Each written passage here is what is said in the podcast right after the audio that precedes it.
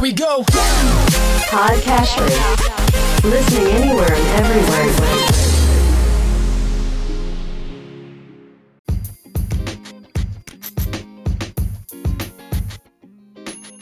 Welcome to Weekly Investment Podcast bersama saya Ferdian Syahputra dari Ispring Investment Indonesia untuk Prudential Indonesia. Kejadian pandemi yang telah berlangsung satu tahun lebih ini cukup banyak pastinya mempengaruhi bagaimana setiap individu melakukan pengaturan keuangan pribadi. Beberapa hal memang akan mengalami perubahan karena menyesuaikan kondisi saat ini.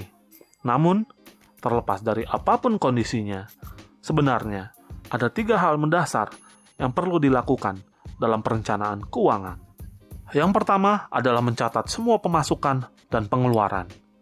Dalam mencatat pemasukan dan pengeluaran, setiap individu bisa memakai riwayat transaksi di dompet digital, rekening bank, dan struk belanja untuk melihat pemasukan dan pengeluaran apa saja yang sudah dilakukan.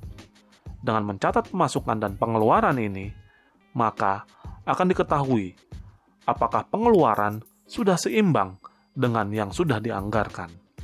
Yang kedua, mendahulukan pelunasan hutang konsumtif. Saat menghitung pemasukan dan pengeluaran, salah satu pos yang perlu didahulukan adalah membayar hutang konsumtif yang muncul pada transaksi periode-periode sebelumnya. Pelunasan hutang konsumtif ini perlu didahulukan agar tidak terlalu membebani pengeluaran ke depannya, yang mungkin diperlukan untuk kebutuhan yang lebih penting.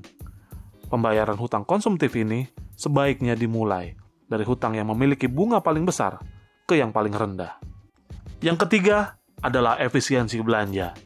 Hal terakhir yang menjadi perhatian mendasar dalam perencanaan keuangan tentunya adalah efisiensi belanja.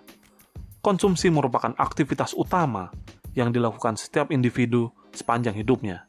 Akan tetapi, cukup banyak individu yang melakukan aktivitas konsumsi yang tidak efisien, dan hasilnya justru menimbulkan masalah di kemudian hari.